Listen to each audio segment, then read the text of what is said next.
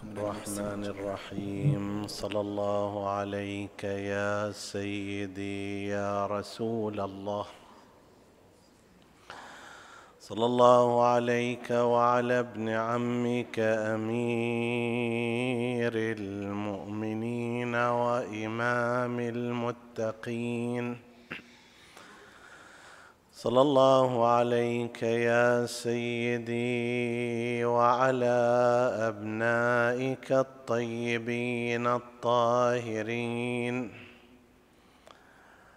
صلى الله عليك يا أبا عبد الله الحسين. ما خاب من تمسك بكم وأمنا من لجأ إليكم يا ليتنا كنا معكم. فنفوز فوزا عظيما. روي عن سيدنا ومولانا أبي جعفر محمد بن علي الباقر. عليه السلام أنه قال لصاحب هذا الأمر غيبتان إحداهما يقال فيه هلك أو في أي واد سلك وفي حديث آخر قال إحداهما قصيرة والأخرى طويلة. صدق سيدنا ومولانا أبو جعفر الباقر سلام الله عليه. عطروا مجالسكم بذكر محمد وآل محمد.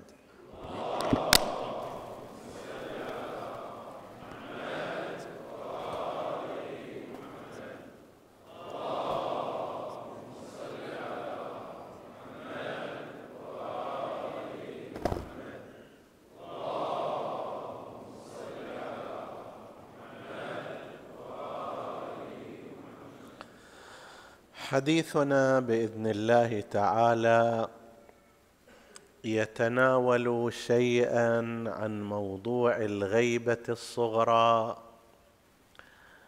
للإمام الحجة عجل الله تعالى فرجه وبتبعها نتحدث باختصار عن قضية السفراء الأربعة.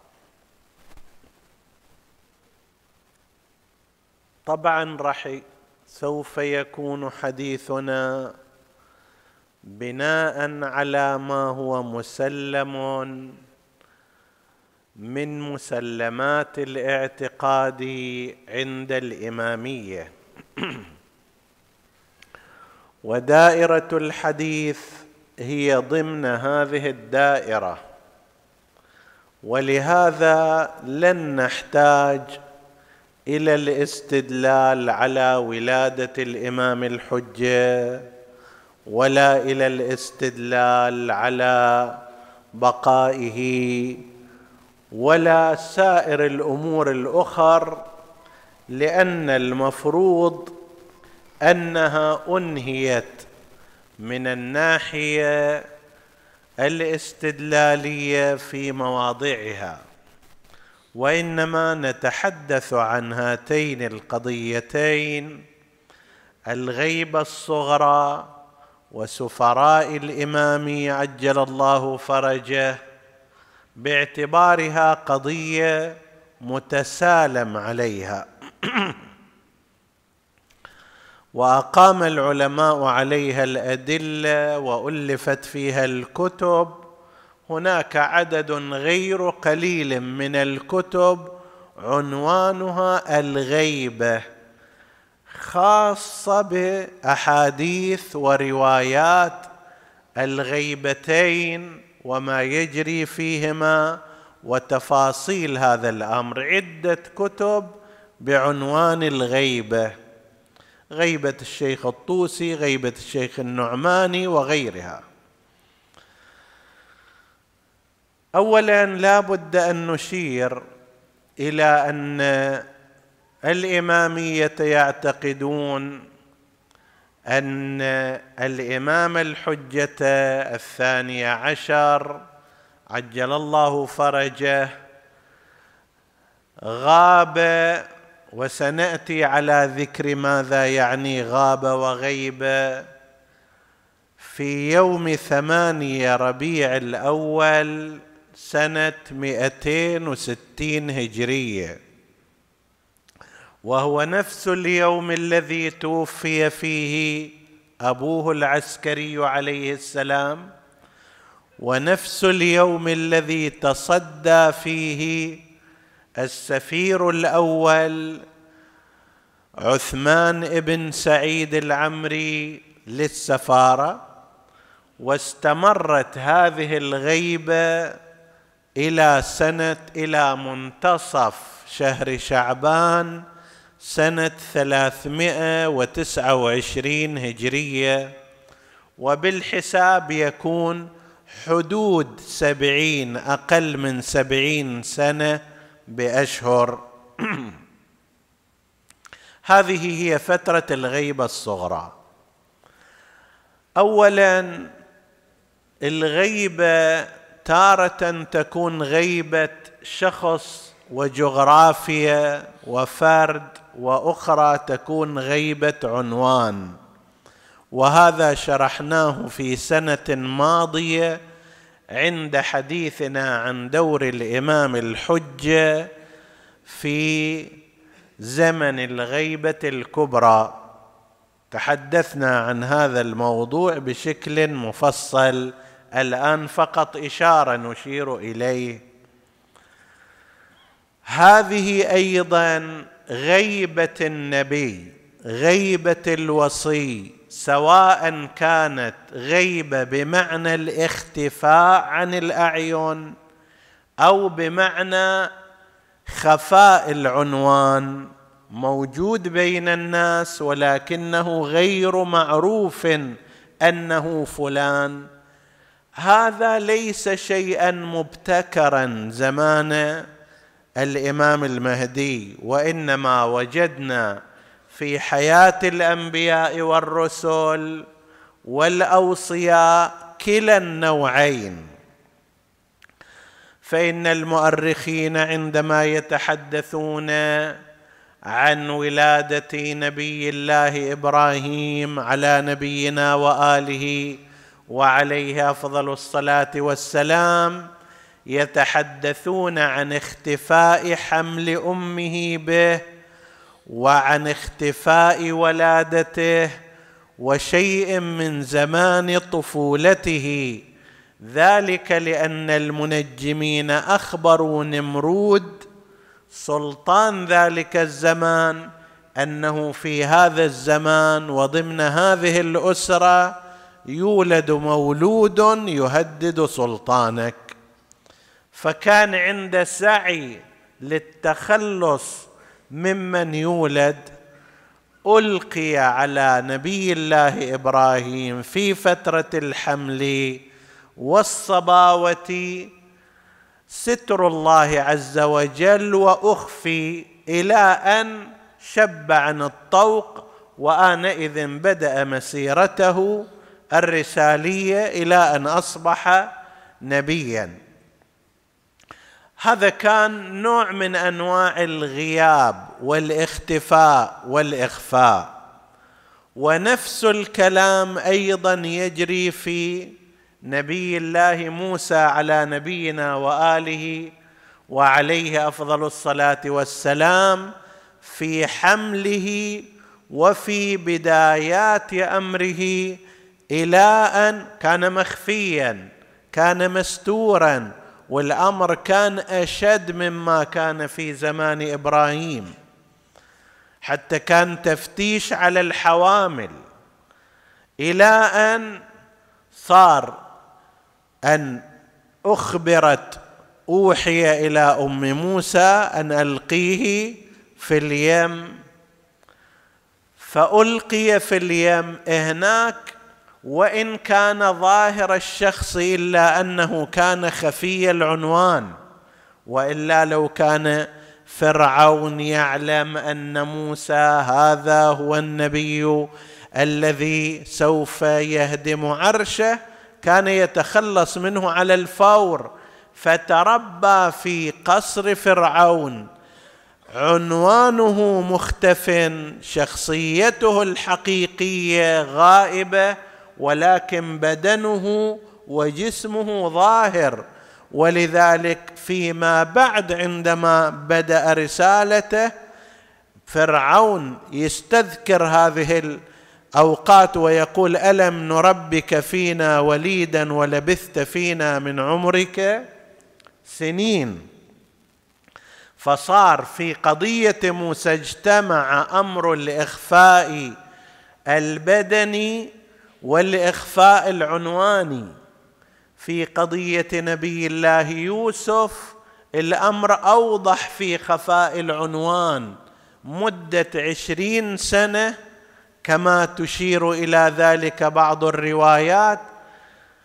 اختفى فيها عنوان نبي الله يوسف عن إخوته الذين تربوا معه وهم أبناء اب واحد.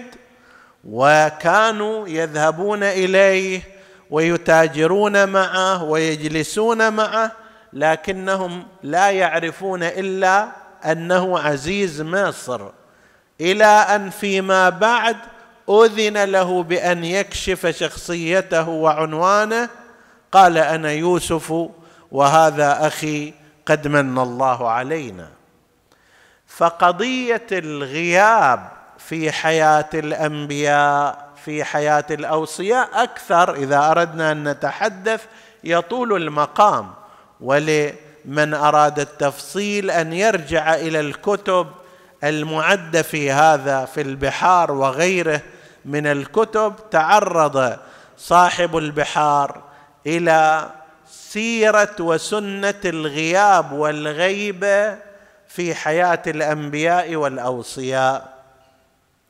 وإذا أحد أراد تفصيل ما يرتبط به قضية الغيبه الصغرى وتاريخها وتفصيلاتها فليراجع الكتاب القيم للمرحوم الشهيد الصدر الثاني سيد محمد محمد صادق الصدر. عنده موسوعة من أربع مجلدات ضخام. تاريخ الغيبة الصغرى تاريخ الغيبة الكبرى يوم الظهور وغيرها وهو كتاب قيم وثمين. المهم أن قضية الغيبة ليست امرا بدعا ولا قضية مستنكرة في حياة الأنبياء ولا في حياة الأوصياء. غاية الأمر قد تقتضيها ظروف وقد لا تقتضيها ظروف أخر. فكان ممن حصل منه الغيبة بهذا النحو وإلا كان أيضا يصير فترات غياب مؤقتة للإمام العسكري.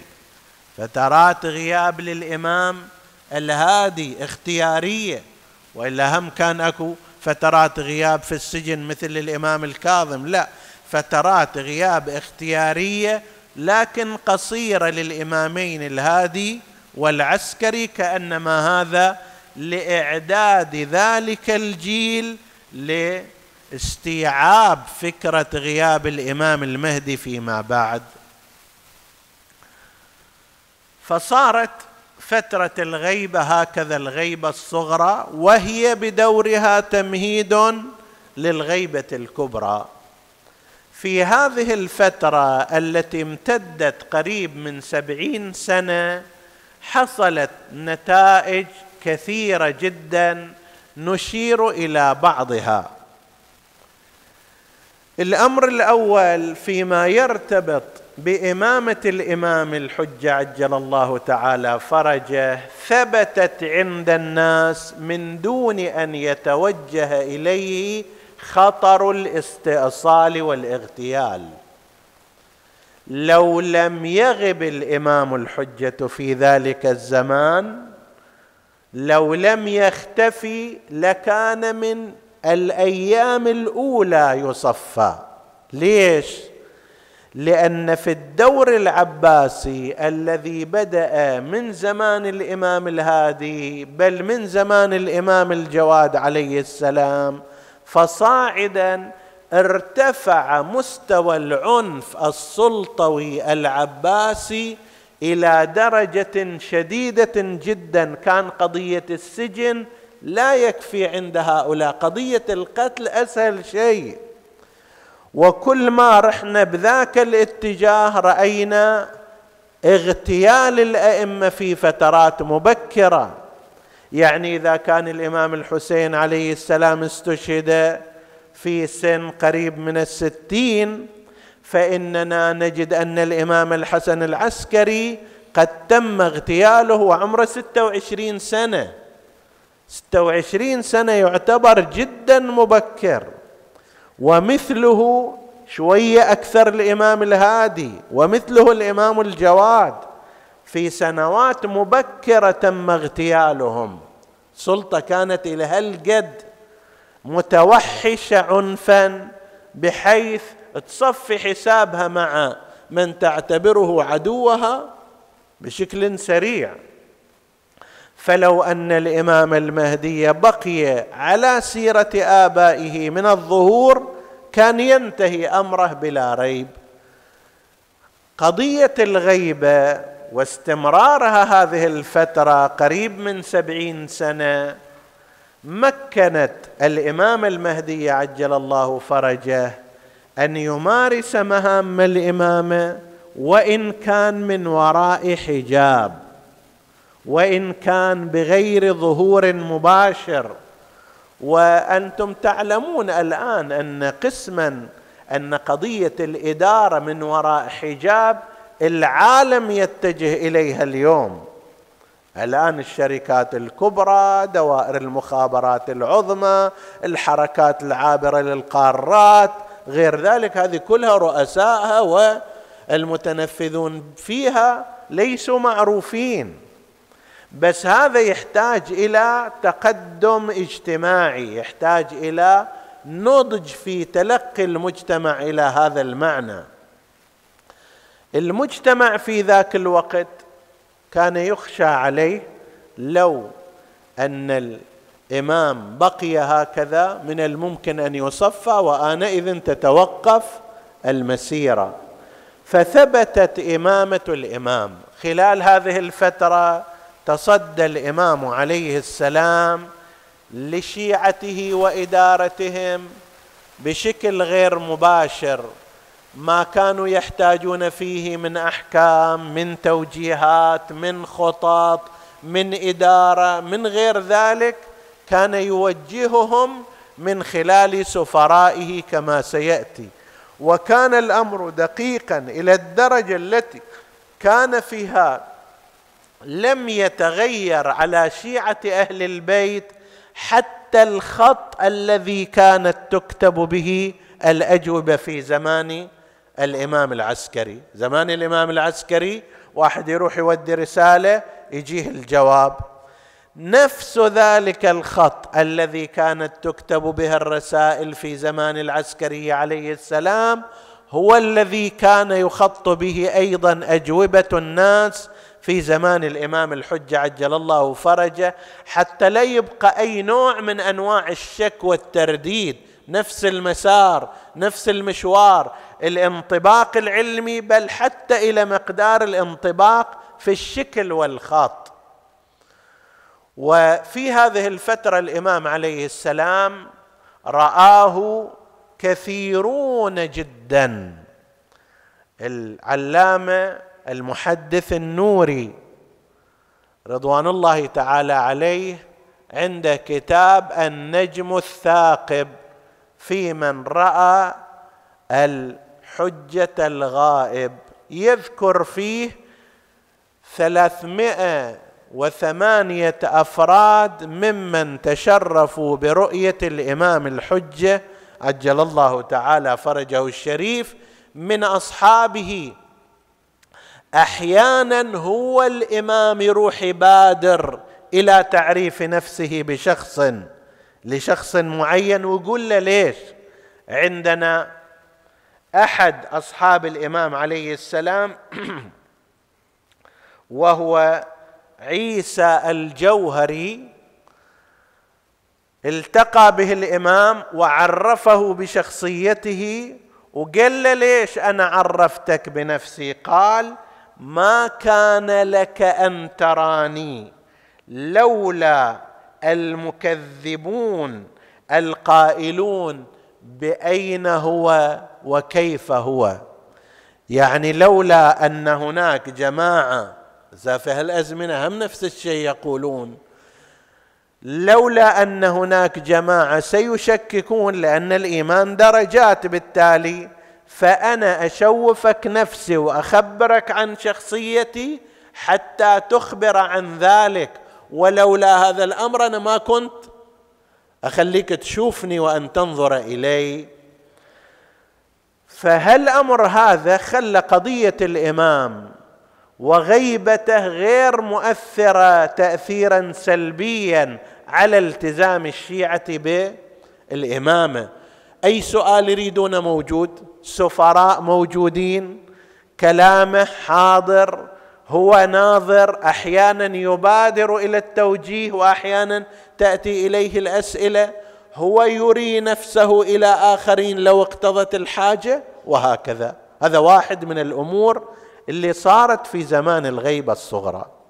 أمر آخر صار تكاملت المنظومة الحديثية المرتبطة بالتشريع والعقائد في أيام الغيبة الصغرى. إحنا عندنا شيء لعله مر عليكم كثيرا مصطلح الأصول الأربعمائة. الأصول الأربعمائة هي عبارة عن كتب كتبها الرواة الذين سمعوا أحاديث الأئمة. مثلا السجستاني أو ظريف أو فلان سمع من الإمام الصادق فكتب. يونس بن عبد الرحمن سمع من الإمام الرضا فكتب. فلان سمع من الإمام الكاظم وكتب. فصارت هذه كتب شخصية تقريبا ألفها أصحابها لكن تحتوي على مسائل محدودة. غير مفهرسة غير مجموعة ليس لها حالة من الجمع الموضوعي وليست مستوعبة. هذه ذكر العلماء أنها أربعمائة أصل أربعمائة كتاب. ولو في البحوث تخصصية يفرقون بين الأصل والكتاب الآن مو في مجاله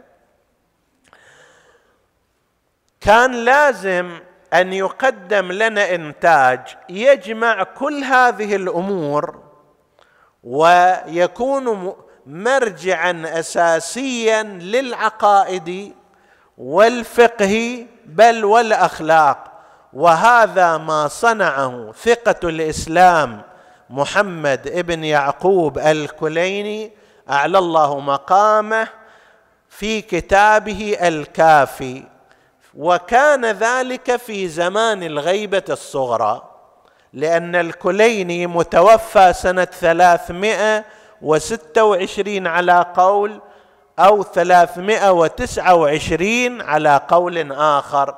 على أي حال هو داخل زمان الغيبة الصغرى ألف هذا الكتاب وجمع فيه ستة عشر ألف حديث تقريباً هي تعتبر الأرضية التي يعتمد عليها فقهاء الإمامية.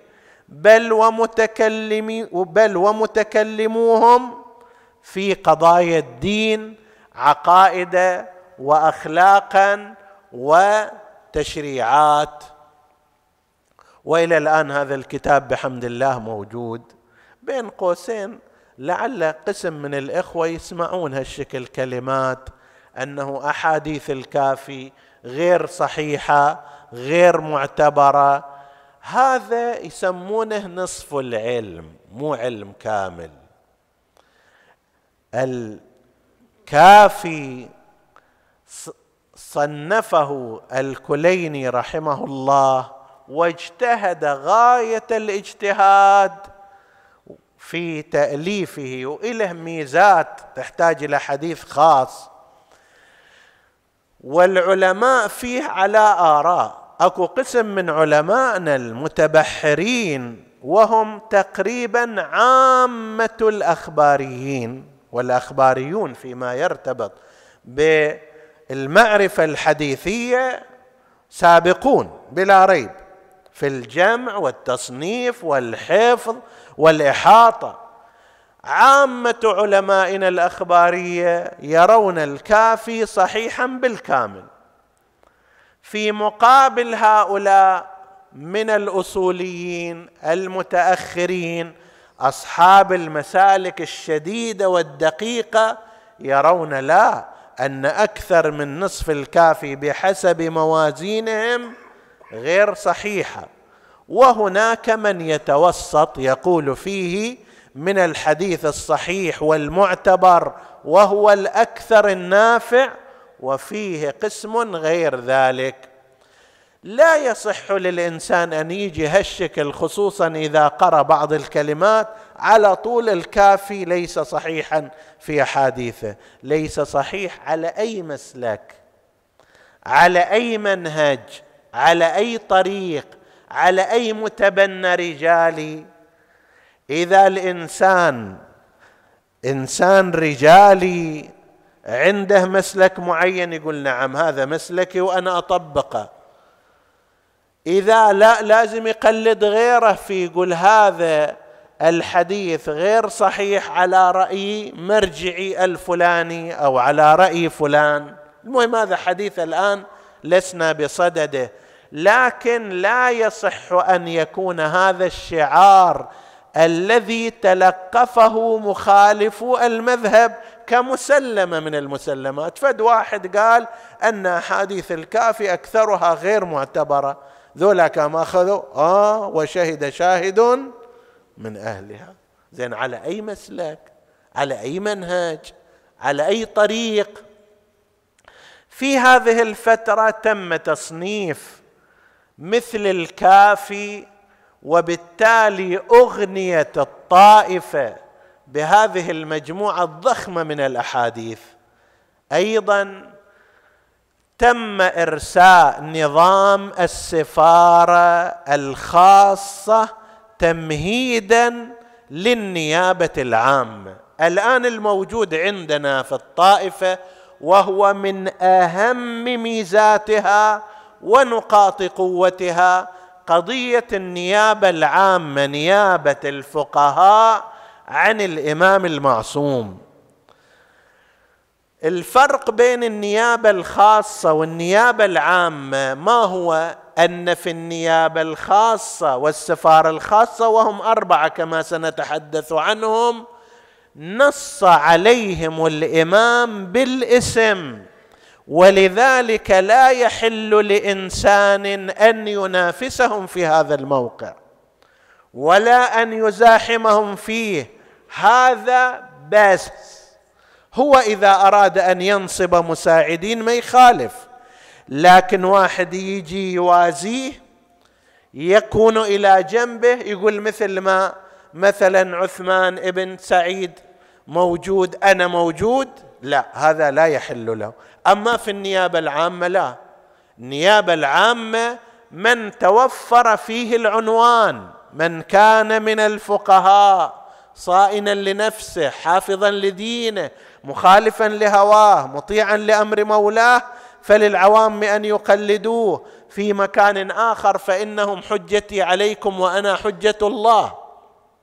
فقيه من الناحية العلمية متورع من الناحية النفسية والعملية والأخلاقية هذا يقدر يقول نعم أنا أتصدى للأمور وغير أيضا يقدر يقول إذا اجتمعت فيه الصفات أنا أيضا وثالث ورابع وبهذا تعددت المرجعيات والمراجع وهو أمر طبيعي. ما واحد يقدر يقول أنه لا ما دام أنا مرجع اذا الباقي برا. هذا في النيابة الخاصة في السفارة الخاصة. طيب. في هذه الفترة تم تدشين السفارة الخاصة بأعلى وأجلى صورها. فالإمام المهدي عجل الله تعالى فرجه الشريف. إحنا الليلة مستوحشين ما صلينا على محمد كثيرا.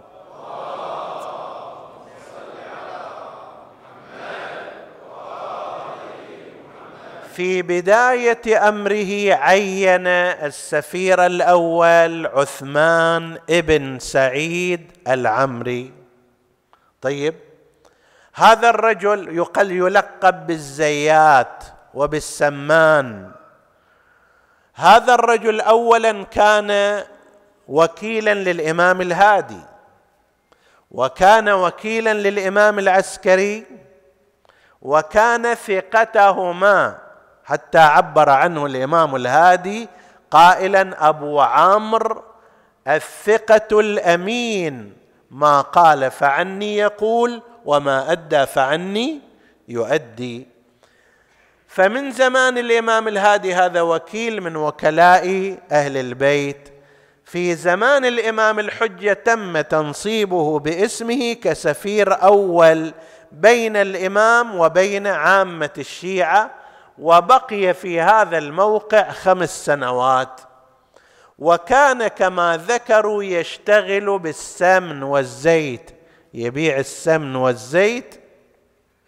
وكان ذلك غطاء على مهمته الحقيقية. ما يقدر يقول خب أنا سفير الإمام وأنا رايح إلى الإمام آخذ منه وأعطيه أجيب إليه الأموال وآخذ منه الأجوبة وأستفتيه وأوصل. طيب فمن زمان الإمام الهادي عليه السلام كان يمتهن هذا. الزيات خصوصا في تلك الأزمنة كان لابد أن يدخل إلى الدار حتى يصب الزيت في آنية أهل الدار. وهذا ضمن هذا الغطاء كان يأتي إلى بيوت المعصومين عليهم السلام فيسلم ما كان عنده ويستلم من الإمام ما كان يريد واستمر على هذا الأمر. هذا السفير الأول.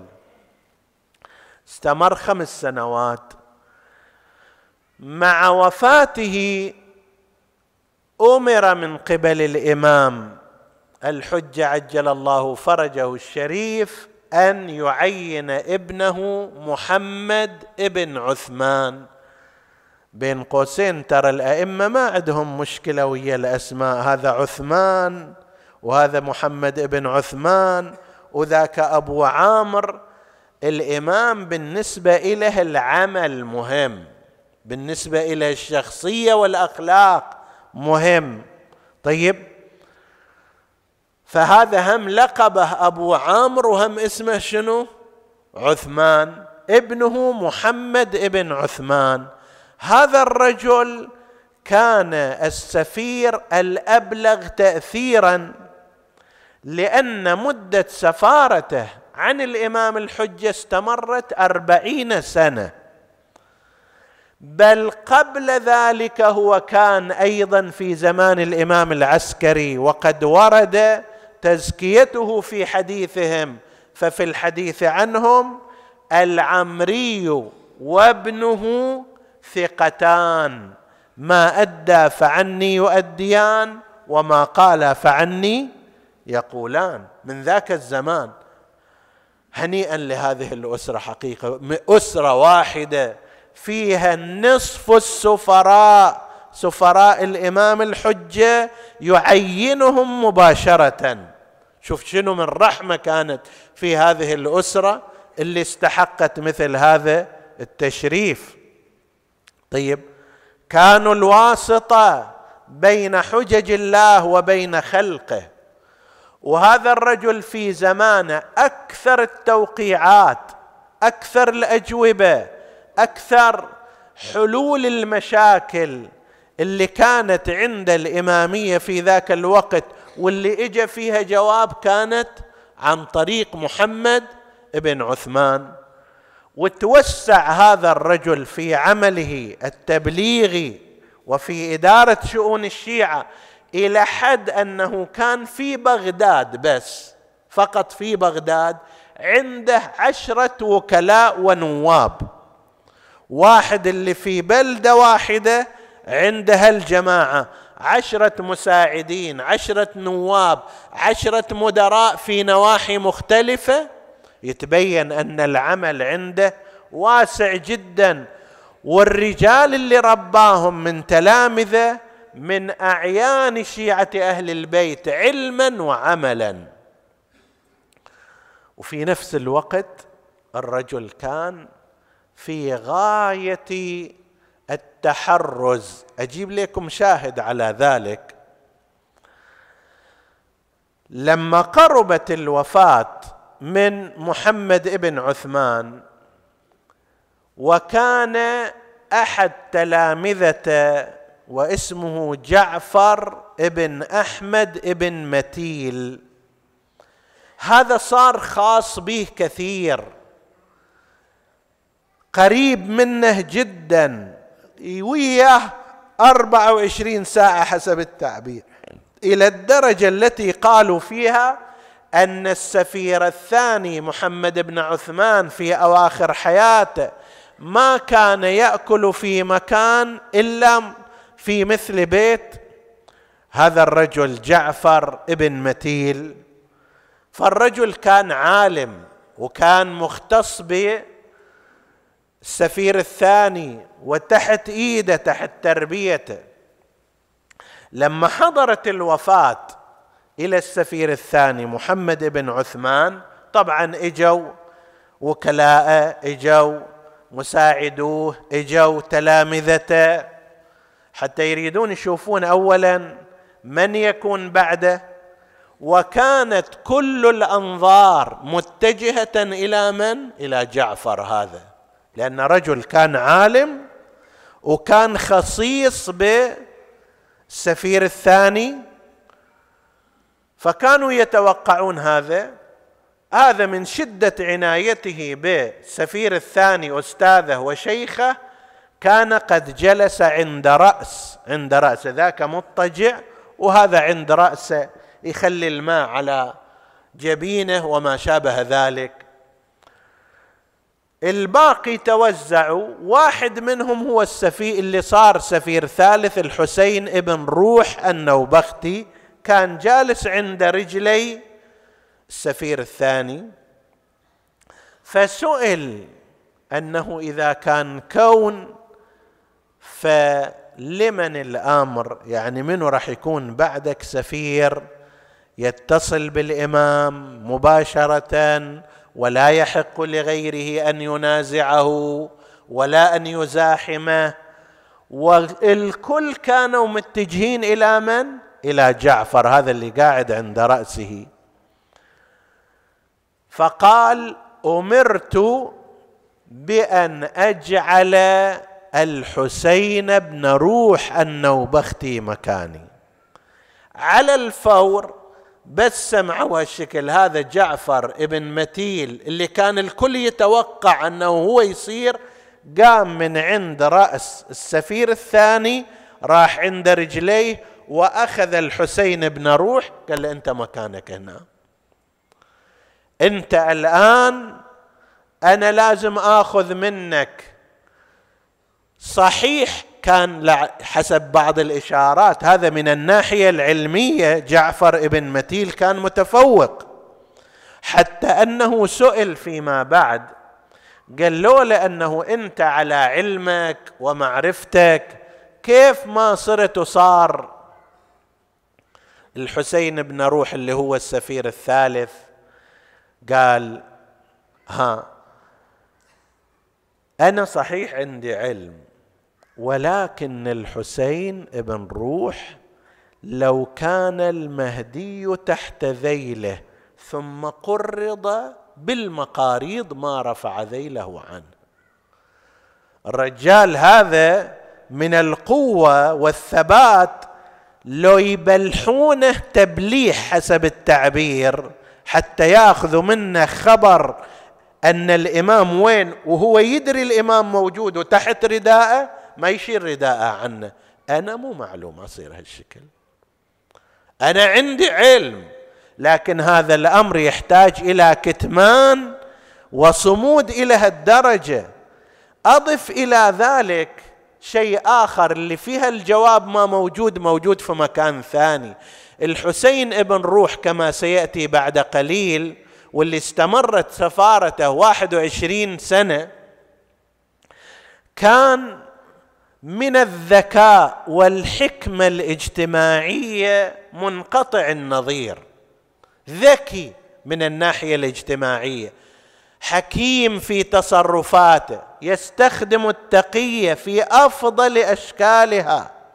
ولذلك يقولون أنه في صفاته بالإضافة إلى ما ذكرها من ثباته يقول هذا الحسين ابن روح إذا عشر يدخلون عليه تسعة منهم يكفرونه وواحد متوقف يقعد وياهم يطلعون تسعة منهم يتقربون إلى الله به ويتوسلون به وواحد مشكك.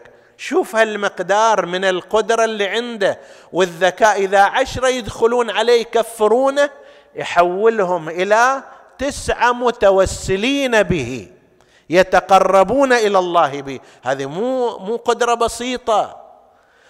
ولذلك في بعض القضايا مو لأنه أنا عالم لازم أصير كل شيء. مو أنا لأنه لنفترض انتسب إلى الذرية لازم أتقدم في كل شيء لا هي مواصفات.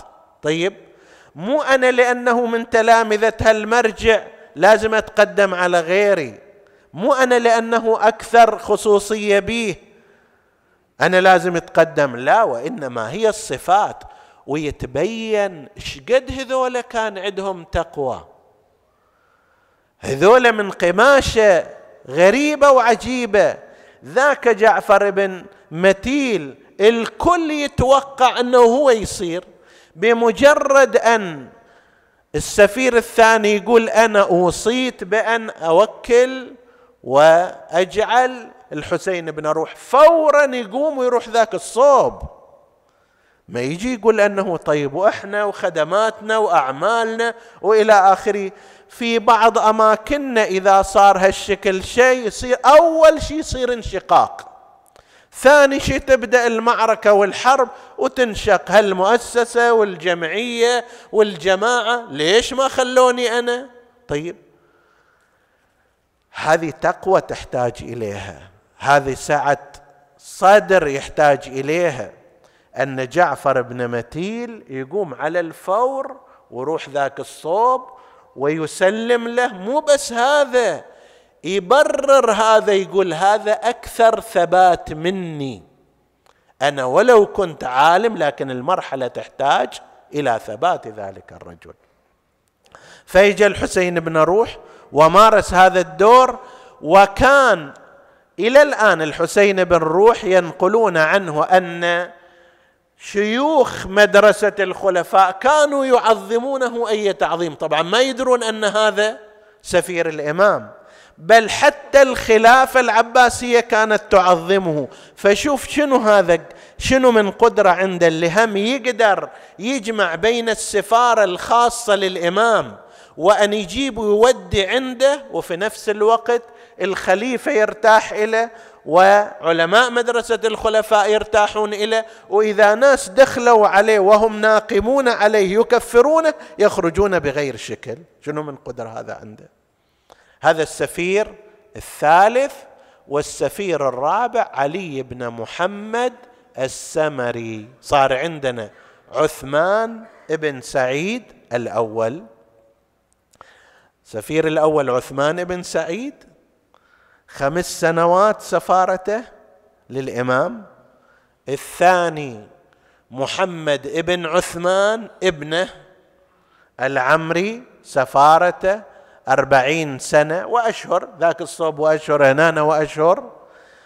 وأيضا الثالث الحسين ابن روح النوبختي حوالي واحد وعشرين سنة وآخر السفراء هو علي بن محمد السمري. كانت سفارته مدة ثلاث سنوات مرحلة انتقالية إلى إلى الغيبة الكبرى. لذلك ما صار فيها شيء استثنائي خاص. طيب إنما هو تمهيد للسفارة للغيبة الكبرى وأن الناس يتعاملون مع العلماء والفقهاء والمجتهدين. طيب وأن لا ينحرفوا على أثر أنهم لا يستطيعون الوصول المباشر إلى الإمام. عجل الله فرجه الشريف. فجاء الخبر قبل ستة أيام من وفاته. توقيع من الإمام إنك ميت ما بينك وبين ستة أيام. فاجمع أمرك قضايا اللي عندك الارتباطات الالتزامات الرسائل الموجودة الأجوبة المنتظرة كلها صفيها خلال هالستة أيام. ولا توصي لأحد بعد وفاتك فقد وقعت الغيبة التامة إلى أن يشاء الله. وبالفعل رتب أمره على رأس الموعد. بعد ستة أيام ارتحل إلى رضوان ربه ورحمة ربه. ودخلنا في مرحلة الغيبه الكبرى. هذول السفراء خاصون نواب خاصون. لا يمكن لأحد أن يكون مثلهم بهذا المعنى. وأي واحد يدعي في هذا الزمان أنا عندي اتصال خاص بالإمام الحجة أنا باب الحجة أنا دريشة الحجة نقول له لا. مسامحة هذا الكلام مردود عليك ولا يقبل منك. أكو هناك طريق وهو النيابة العامة إذا توفرت فيك شروطها على العين والرأس وإذا ما توفرت فيك شروطها تكون من أدعياء النيابة وكثير ما هم. أنا وانت هم نقدر نصير سفراء لكن بمعنى آخر. سفير يعني أن واحد يوصل المنهج إلى غيره. هذا نقدر نسويه. عندما تكون أخلاقنا ديننا إيماننا طريقا للناس إلى أهل البيت جسر يعبرون عليه كما ورد في الحديث فإن الرجل منكم إذا ورع في دينه وصدق في حديثه وأدى أمانته رآه الناس فقالوا هذا أدب جعفر لحسن أو لحسن ما أدى أدب جعفر أصحابه فيسرني ذلك ويدخل به السرور علي إذا هالشكل فعلا يكون الإنسان سفير سفير لمذهبه بأمانته بصدق حديثه بعلمه بعفته بالتزامه الديني. والحمد لله الحاضرون وأشباههم هم من هذا النوع اللي يستدل بهم على صوابية منهج أهل البيت بكثرة التزامهم الديني. نسأل الله أن يوفقنا لأن نكون من المقتدين بهم. نسأل الله أن يجعلنا من المتبعين لصاحب العصر والزمان في هذا الزمان ومن المنتظرين الحقيقيين له. اللهم كن لوليك الحجة ابن الحسن. صلواتك عليه وعلى آبائه في هذه الساعة. وفي كل ساعة وليا وحافظا وقائدا وناصرا ودليلا وعينا حتى تسكنه أرضك طوعا وتمتعه فيها طويلا. اللهم اجعلنا من أنصاره وأعوانه والذابين عنه والمجاهدين بين يديه والمستشهدين في ركابه إنك على كل شيء قدير. وإذا هذا ما حصل ولم ندرك ظهوره فإذا كنت على يقين من دينك وسيرة حسنة من تشريعات هذا الدين فلا يضرك تقدم هذا الأمر أو تأخر. تحول الإنسان ذاك الوقت إلى رايه وعلم. يتحول إلى دليل هداية. بأخلاقه بسلوكه بطريقته. هذه كربلاء تنبئنا هذا النبأ. شو اللي يخلي كربلاء خالدة إلى زماننا؟ مو بس عند شيعة أهل البيت حتى عند سائر الملل لأنهم قدموا.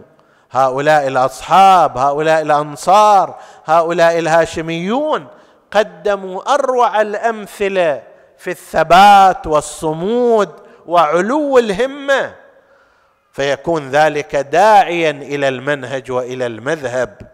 هذا القاسم بن الحسن سلام الله عليه وعلى أبيه الحسن المجتبى الذي يصفه الشاعر وحق له أن يوصف بهذا الوصف. أنه كأنه ملكا في صورة البشر. حلو الشبيبة يا ويلي عليه قضى من بعد إيناعه بالعز والظفر مهذب الخلق والأخلاق. إن تره تظنه ملكا في صورة البشر.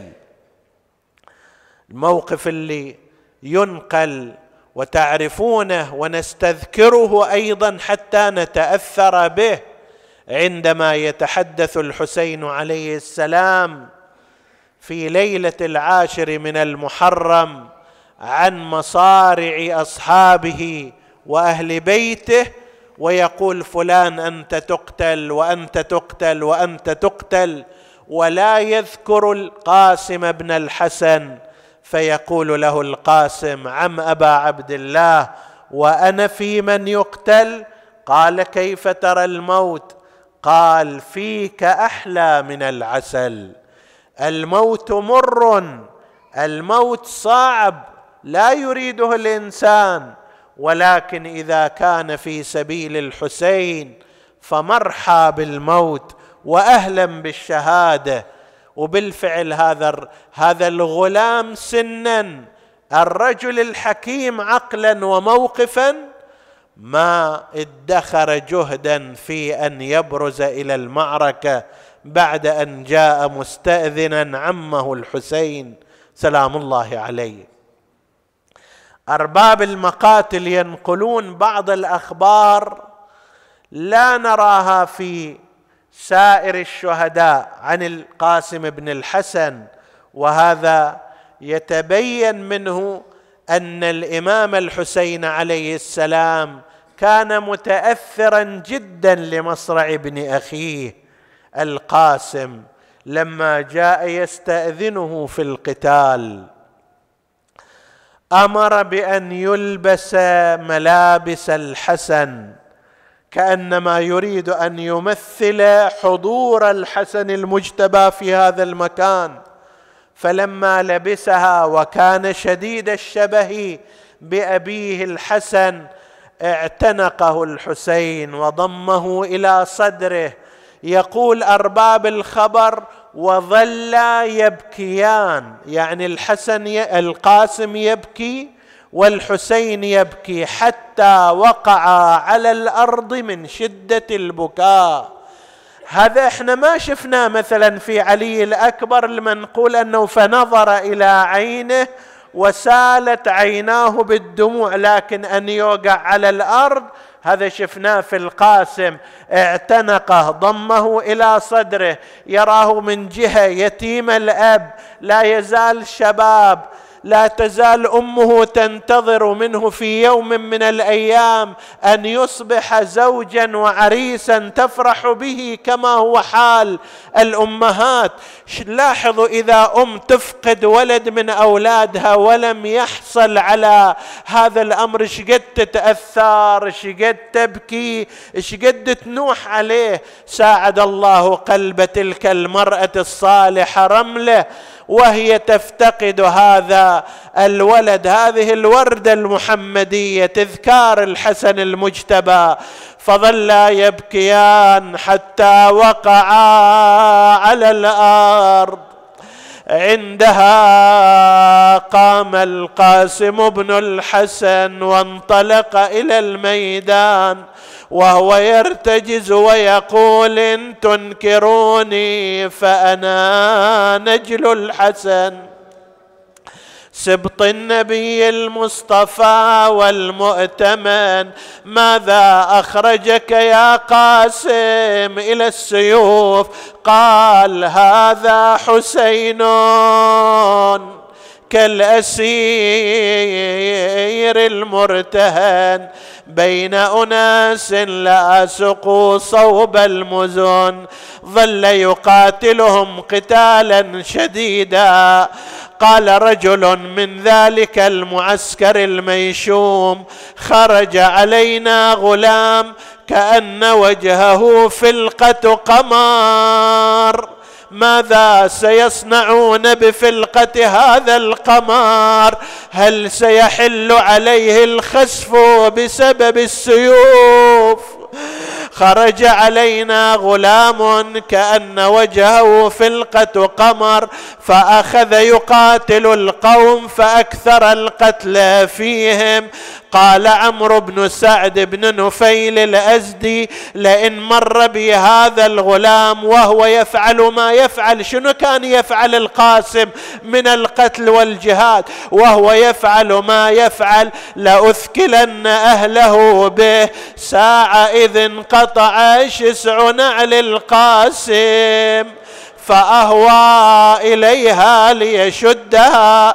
جاء هذا اللعين رافعا سيفه فاتحا باعه ضرب القاسم على مفرق رأسه.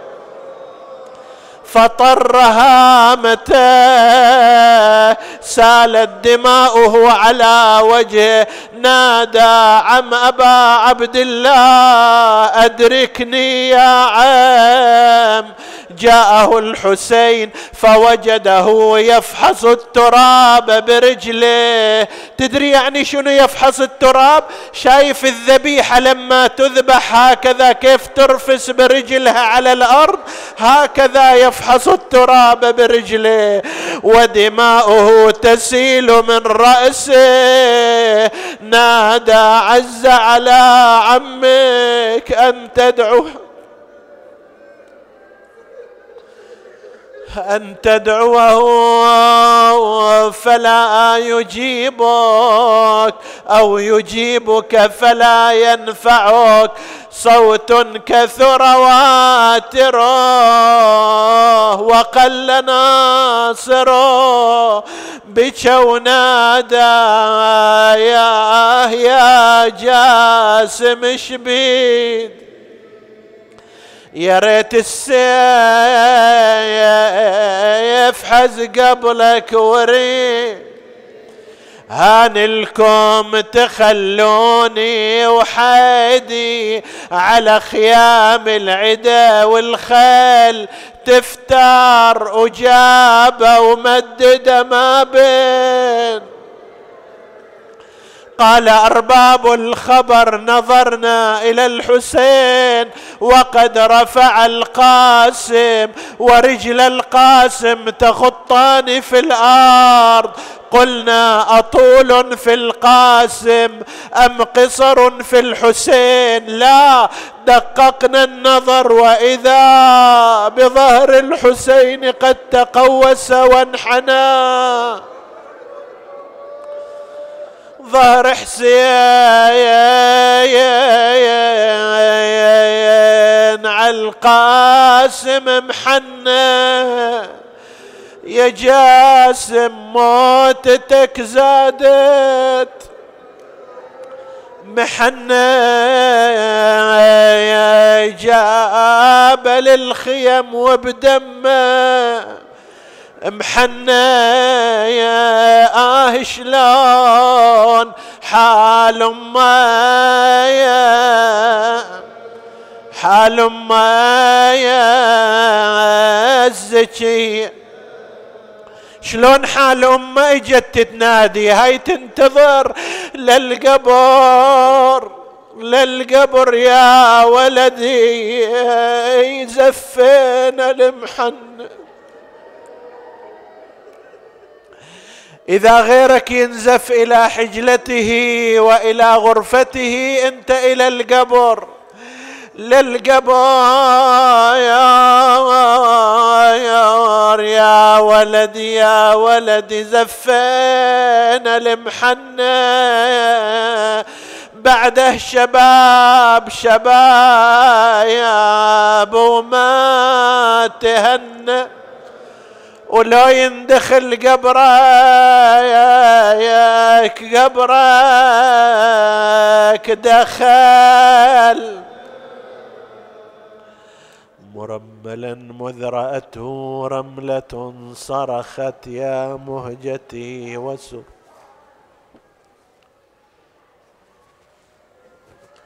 نسألك اللهم وندعوك اغفر لنا ذنوبنا كفر عنا سيئاتنا آمنا في أوطاننا. لا تسلط علينا من لا يخافك ولا يرحمنا ولا تفرق بيننا وبين محمد وآله طرفة عين. احفظ اللهم اخواني الحاضرين فردا فردا واقض حوائجهم. اشف اللهم مرضاهم لا سيما المنظورين. وتقبل اللهم عمل المؤسسين باحسن القبول. إلى ارواح موتاهم وموتى السامعين. نهدي ثواب الفاتحه تسبقها الصلوات.